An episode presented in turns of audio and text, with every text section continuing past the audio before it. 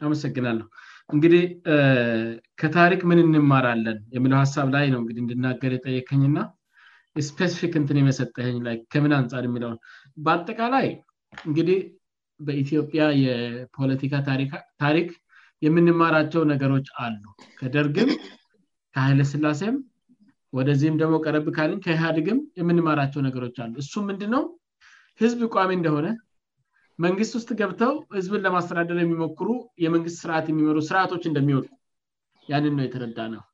መንግስትን የሚመሩ አስተሳሰቦች በየጊዜው እንደሚለወጡ በየጊዜው በተሻለ እንደሚተኩ ማለት ነው ይህንን ደግሞ አስተሳሰቡን ጥሩ አርገው የሚቀር መንግስታቶቻቸው በሰላም የሚኖሩ መንግስታት አለም ላይ ሳይጋ ማለት ነው አሁን ለምሳሌ ሱድን የሚባል አገር አለ ዚ ከሚኖርበት አገር ጎረቤት ያለ በስተቀ በኩል ስውድን እ በስተግራ በኩል ናክቸ ከሰመን ወደ ደቡብ ስለተቀመጥኩ ነ በስተቀኝ በኩል ያልኩት ስለዚህ እሚገርም አሁን ስውድን ታንኮችን የጦር መሳሪያዎችን ታመርታለች አይገርማቸው ግን ላለፉት ከመቶ በላይ ዓመታት ጦርነት የሚባል የማያውቃት ሀገር ነ አሜዚ ስለዚህ ሰዎች የተደላደለን የመንግስት ስርዓት መመስረትና ማክበድ ይችላሉ ያ የተዘረጋው ስርዓት ውስጥ የሚገቡ ፓርቲዎች ይለዋወጣሉ ስውድን እንደ ማንኛውም ገር ዴሞክራቲክ የፖለቲካ ስርዓት ነው የሚትከተለው ስለዚህ ህዝብ አማራጮች እየቀረቡነት ነው እየመረጠ የሚጠቀውነ በየጊዜው የሚለዋውጠው ማለት ነው ና ይህንም በምሳሌነት ያነሳሁት ስውድን ሰላማ ሀገር ከመሆኗ በፊት ልዑላኖቻቸው እርስ በራሳቸው እንደ እንስሳ ተጨፋጫ ኖረዋል እንደ እንስሳ ማለትነው ሆረር በሆነ መንገድ ማለት ነው ሌሎች ልውላንን እንኳን ትሪክ እያደረጉ በትሪክ እያደጉ ማለት ነው ከዛ እንዳለ ዘር ስካይቀር ድረስ የተጠፋፉ ህዝቦች ናቸው ነገር ግን ይሄ አያዋጣም ብለው ይሄ አሮጌ የህይወት ስርዓት ነው ብለው በ አሁን ዘመናዊ ፖለቲካ ከዘረጉ ጊዜ ጀምሮ በጣም ሰላማዊና ሁልጊዜ ደግሞ ማህበረሰቦቻቸው ደስተኛ ከሆኑ ሀገሮች አንዱ ነው ሰላማዊ ሴፍ ከምንላቸው ምናልባት ሁን ከኢሚግራንት ከስደተኞች ከመካከለኛው ስራ ከሚመጡ ስደተኞች ጋር በተያዘ የተለያየ ካልቸር እየመጣ ማህበረሰቡን በተወሰነ መልኩ እያስቸገር ያለበት ሁኔታ አለ እንጂ በጣም ሰላማዊ አገር ሆኖን እናገኛለን ግን ይህንም የማነሳ በምክንያት ነው እነሱ በጣም እርሊ ነው ማለት ነው ይሄ ያረጃውን ሳቬጅ የሆነውን እርስ በርስ እንስሳ የሆነ በሆነ መንገድ መጠፋፋቱን በጣም እር ማለትነ ከመት መት በፊት ነው ንም የገቱትና ያስወግሉት እኛም ይህንን ነገር ማድደረግ እንችላለን አልረፈደም ያም ምንድ ነው የመጀመሪያው የመንግስት ስርዓትን ስናከብር ነው የመንግስት ስርዓት ማ ምን ማለት ነው መዋቅሩን ስናከብር ነው መዋቅሩ የህዝብ ነ ብለን ስናከብር ነው የመንግስት መዋቅር የህዝብ ነው ብለን ካከበርን እዛ ውስጥ የምንገባ ሰዎች መዋቅሩን ተጠቅመ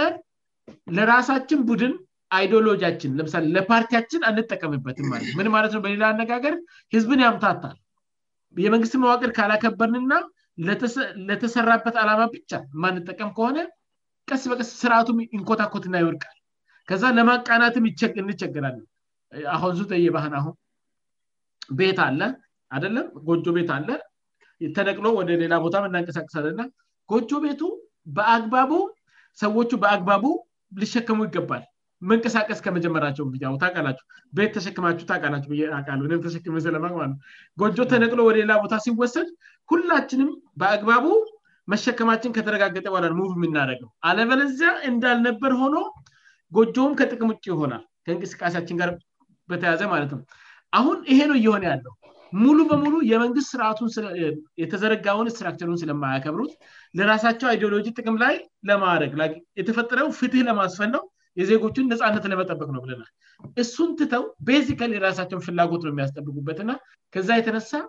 መንግስትነቱን ሉዚ ያደረጋል ማለት ነው የፓርቲ መሳሪያ የሆናል ማለት ነው ስለዚህ ፓርቲ ደግሞ ይለወጣል ብናል መውደቆ አይቀርም ፓርቲ በወደቀ ቁጥር ደግሞ የመንግስት ስርዓቱን ፈርሶ እንደገና ሊጠጋገን አይገባም እንደገና ሀ ተብሎ ሊገነባም አይገባ ብዬ ነው ማስበው ስለዚህ ከታሪክ መማር ያለብን ህዝብ እቋሚ ነው የመንግስት ስርዓትንም ቋሚ ብናደርግ ይጠቅመናል ነው እንደነ ስድን እንደ አሜሪካ እንደ ሌሎችም የመንግስት ስርዓትንም አክብረን እንደ ውስጣችን ቢፈልግም የመንግስትን ስራ ለፓርቲ ለመጠቀም መሞከሩን ማለት ነው ለምሳሌ መንግስት ጉልበት አለው ያንን ጉልበት የአንተን ፓርቲ ለመጥቀምና አንተን የሚፎካከልን ለመጨቆን የምትጠቀም ከሆነ መንግስትን ለዓላማው አደለም እየጠቀምክ ያለው ለግል ለቡድንህ ጥቅም ነ እየጠቀምክ ያለው ይሄ ደግሞ መንግስትንም ዋጋ ያሳተዋል ባለፎውም ተነጋግረናል ፍትህ ዋጋ ያጣል ማለት ፍትህ ከሌለ ፍትህ ከሌለ መንግስት ዋጋ ያጣል መኖሆኑ ትርጉም አይኖረው ሀይል ታጥቋል ገንዘብ አዋተን አስታጥቀናል ግን እኛን የማይጠብቀን ከሆነና ስቲል የምንመት ከሆነ ጭራሽን እሱ ኃይል እኛን የሚገለን ከሆነ ትርጉም የለው መንግስትነቱ ዜሮ የሆናል ማለት ነው ስለዚህ መንግስትን በተቻለ መጠን ስትራክቸሩ ቋሚ ሆኖ እንዲቀመጥ ጥንቃቄ ብናደርቅ የምለው ህዝብ ቋሚ መሆኑን እንድንረዳ መንግስትን ለመምራት በየጊዜው የሚመጡ አይዲኦሎጂዎች እንደሚሻሻሉእና እንደሚወልቁ ለዘመን የማይመጥነ ከሆነ ተትተው እንደሚታለፉ ማሰብ አለብን የመጨረሻ የማያያልፍ ምንም ነገር የለም የሚ ሳብ ላይ ልናገር የሰጠኝን ሳብ በደብ እናገራለ በዚው የማያያልፍ ምንም ነገር የለም በዚህ ምድ ላይ ይሄ ሰውነታችን ሁሉ ያልፋል አሁን ዛሬ አለን ይው እንደምታት በጣም ቆንጆ ሆነ በኢንተርኔት እያውራለው ግን ቀን ይመጣል በ ሁሉ ነገር ያልፋል የማያልፍ ነገር የለም ስለዚህ ምን ይሻላል ነው ማለት ሁሉም ያልፋል ስንል ፖለቲካውም ያልፋል ማለታችን አሁን ስፔስፊካሌ ስለ ፖለቲካ እያወራን ስለሆነ ነው እን ስለሌላ ነገር ብናወራ ሁሉም ነገር ያልፋል የለው በዛ መልኩ ውሰዱልን ስለዚህ ምን እናር ሁሉም ሰው እግዚአብሔር በሱ በኩል ስራው የሚፈልገው አላማ አለ የተመጠነ የተሰጠው ደግሞ የጊዜ መጠናለው ሁላችን የመዋችነን የህዝብ አገልግሎት የሚያክል እድል ሆነው እጃችው ላይ ያወደቀላቸ ወንድሞቻችን እንደ እድለኛ ራሳችን ቁጥሩ በመጀመሪያ ደረጃ እኔ አሁን በናንተ ቦታ መሆን አልችልም እናንተ ማምጣት የምትችሉትን ያክልለውጥ ለህዝብ ማምጣት አልችልም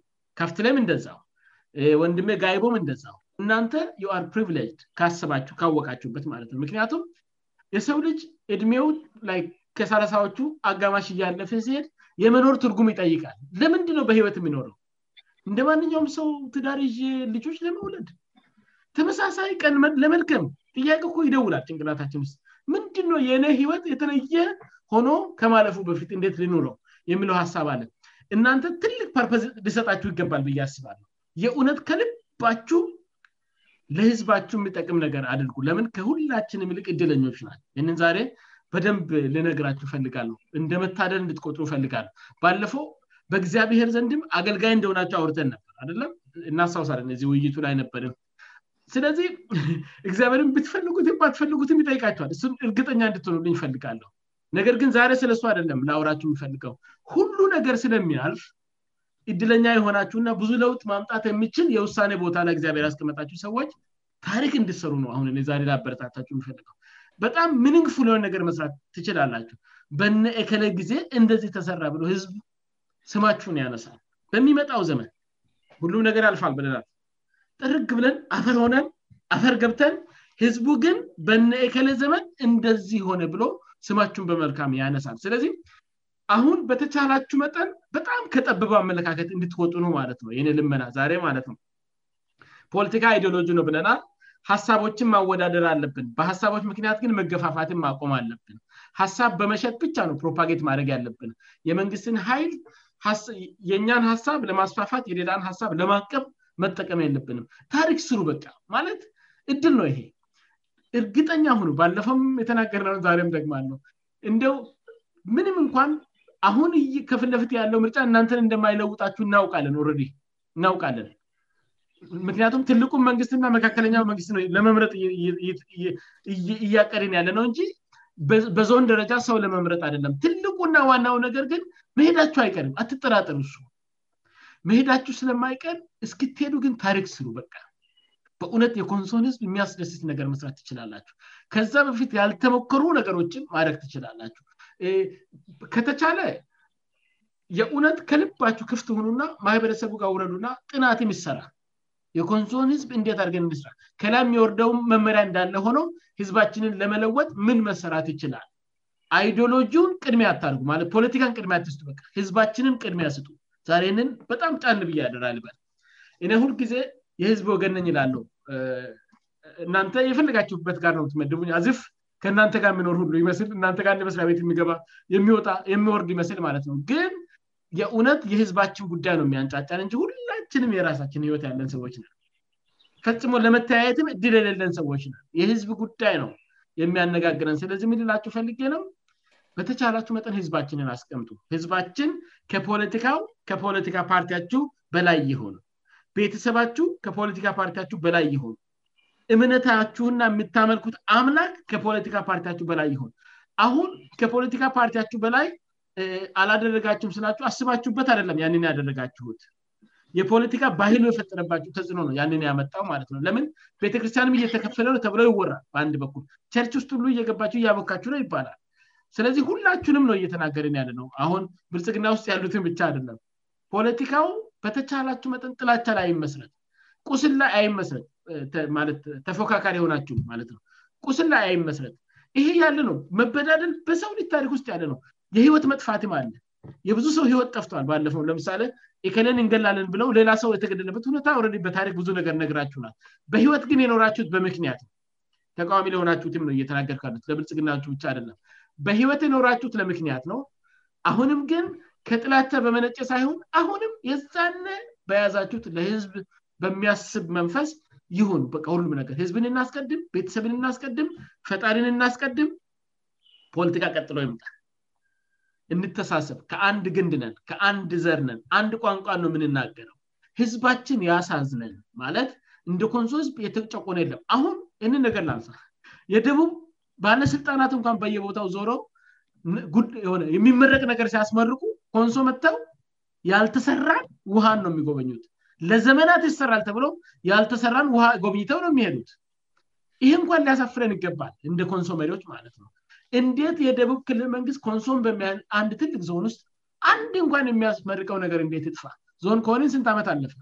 ለሞ ሶስት ዓመት ያለፈ ይመስለኛል ስለዚህ ይባካችሁን ሁልጊዜ እንደምንናገረው እንደ መስተዋት ተጠቀሙ ከእናንተ ምንም የምንፈልገው ጥቅም የለም ይሄ ይግባችሁ ሳንፈልግ ነው ንን ነገር የምናድርገው ሳንፈልግ ማድረግ ስለጀመረን ደግሞ ስለጮሃችሁም የሚቆም አደለም እድነኛ ብልጥ ከሆናችሁ እንደ መስተዋት እን ትጠቀሙነው የምንፈልገው እናንተ ማታዩት ብዙ ነገር እናያለንልንላቸው እፈልጋለን ውስጥ ላይ ብዙ ችግር ልኖር እንደምችል እንገነዘባለን ግን አንድ ቆራጥነት የሚያሳይ መሪ ብናገኝ ህዝብ እኮ ያያል አይን አለው ህዝብ የእውነት በቅንነት እንቅስቃሴ የሚያሳይ ሰው ከታየ ህዝብ ሆ ብሎ ይደግፋል ስለዚህ ሁሉ ነገር ያልፋል የሚያልፍ ነገር የለም ህይወታችሁን ትርጉም ባለው መንገድ ተጠቀሙበት ከኛ ልቅ የተሻለ ህዝባችንን ለመለወጥ እድሉ ተሰጥቷቸዋል እና ባካችሁን ተባብረን ህዝባችንን እንለውጥ ነው የምለው አመሰግናለሁ ካብቴዚ ላልጨርስ እንግዲህ ብዙ ነገር አውርትናል ብዙ ነገር እንስትህናል በተለይ በመጨረሻ ላይ ያነሳው ናባት በጣም በዚ ላይ ግንዲደመድም ይሻላል ብዬ ያገምታለ ምናልባት መጠየቅ ሲኖርብኝ ያልጠየኩት ሀሳብ ካባት ሁታቸም ፍሪ ላርግና ለአንድ ደቂቃ መብሳችበጣም ስለሄደለንቂባጠቅ የበረ ትነካ ታነ ከሌአንድ ደቂቃ የሆነ ያልተነሳ ሀሳብ ሳምንድነውእሱ ምንድንነው አሁን ለምሳሌ ኢህአድግ ወደ ብልጽቅናት ተለውጠል አደለም ትልቅ ክፍተት ያስተዋልነው እንደተለወጠ ማይንሴት ሽፍት እንኳን የሚረዳ ትሬኒንጎች አልተሰጡ ለውጡ እንደመጣ አካባቢ በጣም ዘጊቶ ለውጡ ከተኮላሸ በኋላ ነው ምባት ወደኛ አካባቢ የደረሰ ይመስለኝ አኮንሱትምን ይባላል መስለኝ ለምሳሌ ንጣፊ ንጣፊቲጋ አሞባሎ ይከርቆትንግቶ ዝናብ ሳይኖር ሲቀር ማናግደአኮንሱት ዱሻ የኛ እንደዛ የሆነ ነው የሚመስለኝ ዱሽ ተነፓት በ ማለት አጀማመሩ በጣም ቆንጆ ነበር ግን አሁን ወዲያውበ ማይንሴት ሽፍት የሚያደርግ ስልጠና ቶሎ ቢሰጥ ኖሮ አሁን እኮ ስሙ ብቻ ነው የተለወጠው ሞሮለዝ ምክንያቱም ይሄ የፖለቲካ ድድብዙ ነገር ያሳየን ማለት ምንም ለውጥ እንደሌለ ጥሩ ማሳያ ሆነው ነው እንደመስተዋት ሆነ ነው ያሳየን ይሄ የፓርቲዎች ውድድር ነው ነገሮች በደንብ አጉልተ ያሳያን ኮንሶ አካባቢ ልማት በጣም ሊሚትድ እንደሆነ እናውቃለን ከዚህ በፊት ነ ካአሁን በኋላ ተከታታይን ኦፍ ኮርስ እንዘግባለን ልማት እንድሰራም ሀሳቦችን እናቀርባለን ግን በቃ ፖለቲካችን በጣም ነበር የተጎዳውና ለውጡ ሲመጣ ግን እኛ ጋር ሳይደርስ በቂ ፈሳሽ በቂ ውሃ ስላላገኘ ዱሽትንቶፍሬይ ይህንን አሳብ ነበር ለመጀመሪያ ቢሌላ ጊዜ እወ ንችላለእወ ያለን በበይላብነችእኔ አንድ የሆነ የመጨረሻ ትንሽ አሳብ ልስትናሳ ለየት ምንድነው መስላቸው አሁን አንዳንድ የተጀመሩ ነገሮች አያለው በፎቶ ደረጃ ነው ለ በቪዲዮም አንዳንድ ጊዜ አያለው የምሰሩ ነገሮች አሉይ ለምሳሌአሁን አሁን በቅርቡ ነው ነገሮቹ የተቀየሩት ከዚህ በፊት ሌላ ሰው ነው መስለኛ አለው አሁን አድስ ወንድማችን መጥቷል እና አንዳንድ ነገር ይታያሉ ግን እነዚህ ነገሮች ሞቲቪቸው ምንድን ነው ለምርጫ እንዳይሆን ፋር አለው ለምርጫ ሰው እንድመርጠኝ ወይም እንድመርጠን ብሎ የሚሰሩት እንዳሆን እንትንላለ ምክንያቱም ይሄ ዋናው ላህዝብ ፓርቲ ሆነው የሚመረጡበት ዋና ምክንያት እሱ ስለሆነ ማለት ነው ስለዚህ ይህ ነገር ከምርጫ በኋላም አሁን እንደጀመረ እንዲቀጥል እናበረታታለን ለምሳሌ አሁን መንገድ የሆነ ነገር አለ አንዳንድ የምሰሩ ነገሮች ይታያሉ ምንም እንኳን ጅማር በሆንም ማለት ነው ስለዚህ ይሄ ነገር ከልብ ለህዝቡ ጥማት ማረኪያ ተደርጎ የተጀመረ ነገር መሆን እንዳለበት አድርጎ አስበ በደንብ አርጎ እንዲሰሩ እንትን ይላሉ ያ ይህን የምናገረው ለገዢው ፓርቲ ብቻላ ምናልባት የግዢ ፓርቲ እድል አግኝቶ አሳ አገኝ ቀርቶ ተሸንፎ ከሆነ የሚመጣው ሌላ ፓርቲ ይህን ነገር ማስቀጥል መቻል አለበት በ ዋና ይሄ ነው እነሱ የሚወዳደሩበት ሁን ፓርቲ ብለን የምንጫጫበት ችግሮች አሉችግሮችንፍ እንደዚእንደሆን አለበትከዚህ በደነበአሁንግን መሆን የለበት አደለምብለን የምንናገረው መጨረሻ ላይ የተመረጠው ሰው የሚስራው ነገር አለ ብለን ስለምናምን ያ ነገር ደግሞ ለህዝቡ ጠብ የመሆን ነገር ነው መሆን ያለበት መንገድ መሆን አለበት ውሃ መሆን አለበት የልማት ምፕልማት ንትን ማድረግ አለበት ዘመናዊ ማድረግ ሊሆን ይችላል ከተለያያንግል እንደ የተጀመሩ ነገሮች እንዲቀጥሉ አበረታት አለው ለምርጫ ሳይሆን ለወደፊት በትክክል አስፈላጊና ለዛ እንደተመረቱ አስበው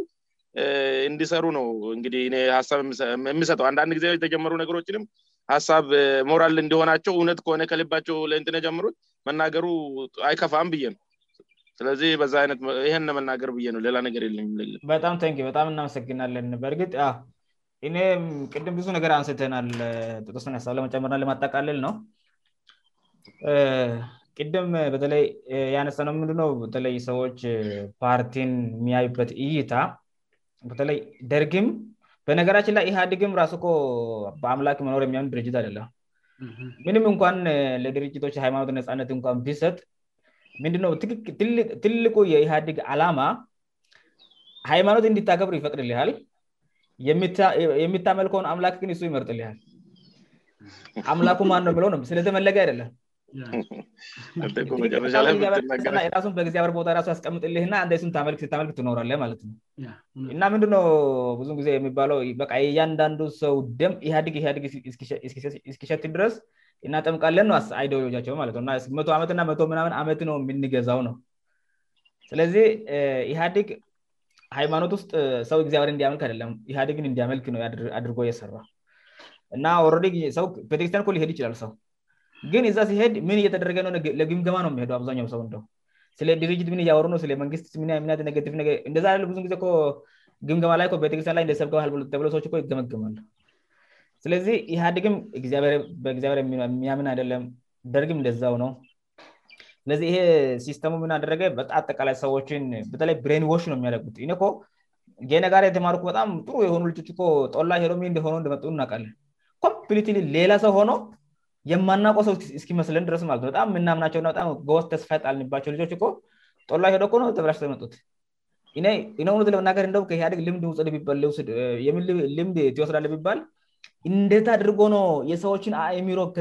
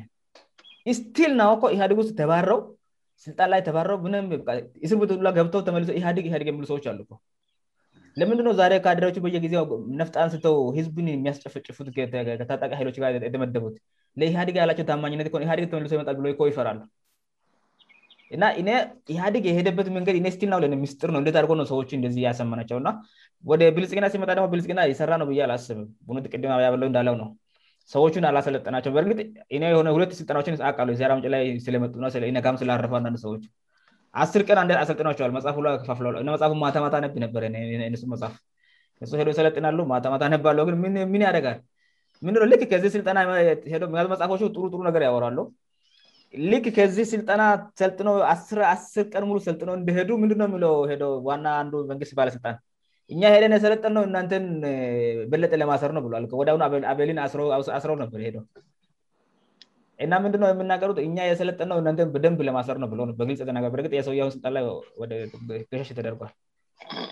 ግን ሰዎቹ በስልጠና የሚለወጡ መስለ የኢህደግ አይሙሯችን ላበጣም በተደጋሚ ያነወደብን የሚ ቦ አሳናቅ የምናደርጋቸው ነገሮች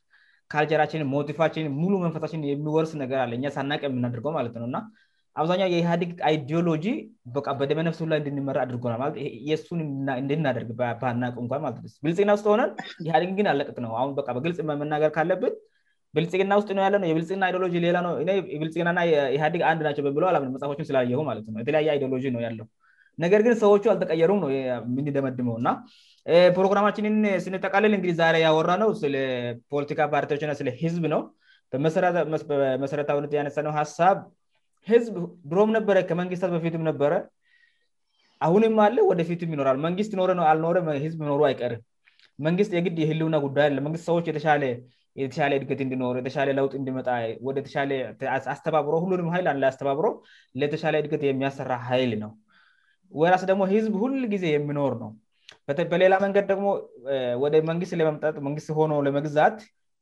ፓርቲ የሆ መደራጀሁ ያ ስርትግይላል ና የተለያየ አይነት ፓርቲ ውስጥ ሊንገባ እንችላለን ምንድ ደገቢያ ላይ የራሱ ንብረት እንዳሰጣ ሰው ነየሚሸጥ ነጋደንማነውየተሻለሰውእንደሚያቀርበው እንደዛ ሰዎች የራሳቸውን አይዲሎጂ ያቀርባሉ ህዝቦ የፈለገውን ይመርጣልመንስ ሲሆናልነገደግሞ ይወርዳልና ትልቁና መሰረታዊ ነገር ፓርቲዎች ጊዜዊ መሆናቸው በደብ አንንድማካጀመሪያ እውቀት ይ ፓርቲዎች ነገ ይወርዳል ምንም ቢሆን ምን የተኛም አይዲዮሎጂ ቢከትልበበጣም ቅዱስ ነብ የተጨበጨበ ለም ያጨበጨበለስርት እን የሚያራምድ አንድ ፓርቲ በጊዜ ሂደት ያረጃል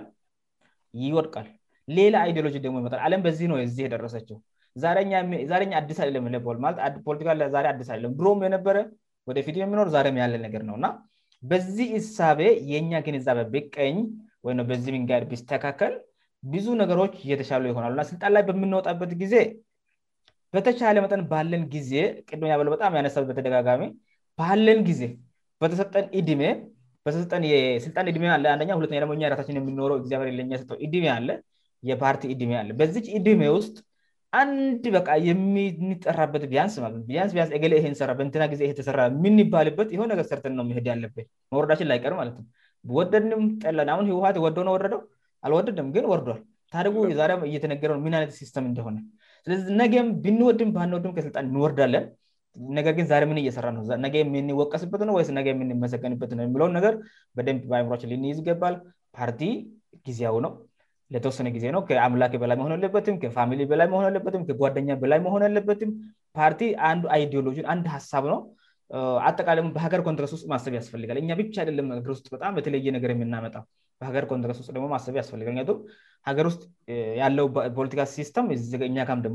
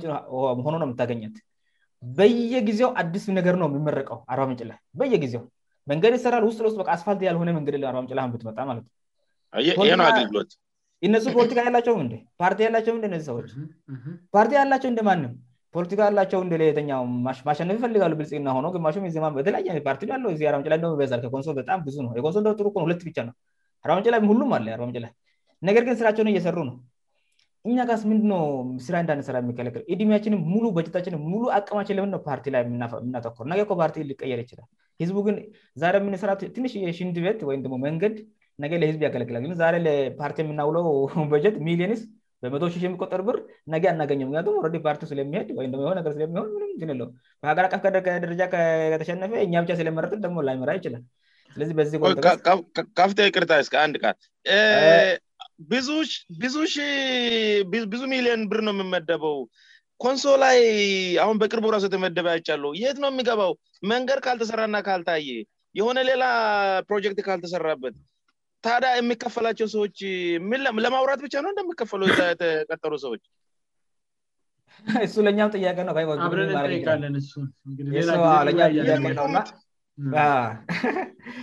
ለማናኛውም አድማጮቻችን ዲህ የዛር ውይታችን እንደዚህ ይመስላል ምናልባት ሁላችሁም በቆንሶ ጉዳይ ላይ ያገበናል የምት ሰዎችበጣም የምንጋብቸሁቅም ያበሎም አብሏልና ሀሳቡን ወደርበማረአሊያምደግሞእተሳትፋቸየራሳችን ሲት እንድትናገሩእ የተለየ አላማ የለንም ብልጽቅና ደጋፊም አይደለንም የዜማ ደጋፊ አይደለንየተ ፓርቲ ጋር አታያይዙ እ ግን የህዝብ ደጋፍህዝብመልካምነገር ሲደረግለምደስለናልከን እቆማልበጣም ቃልን የሚገባላችሁንድነው በተለይ ስልጣን ላይ ያሉ ልጆች ወንድሞች ቃል ምገብላቸው እናንሆነ ስትሰሩ እኛንም ጭምር ጋብዙን እናገሳቸኋለን በምንችለው ቅም በእውቀታችን በጉልበታችን በምንችለው አቅም እናግዛቸ ሁላችን የምንፈልገው የጎንሶህዝብ እንድለወጥ ታሪ እንዲቀየር መልም ሲሙ ገ እንዲወጣና ሌሎች ጋር ተካካሪእንድሆን እ የተኛው ፓርቲ አሸነፍ ርቲ አላሸነፍ ለየ አይደለም አጀንዳ አይደለም ተውፓርቲር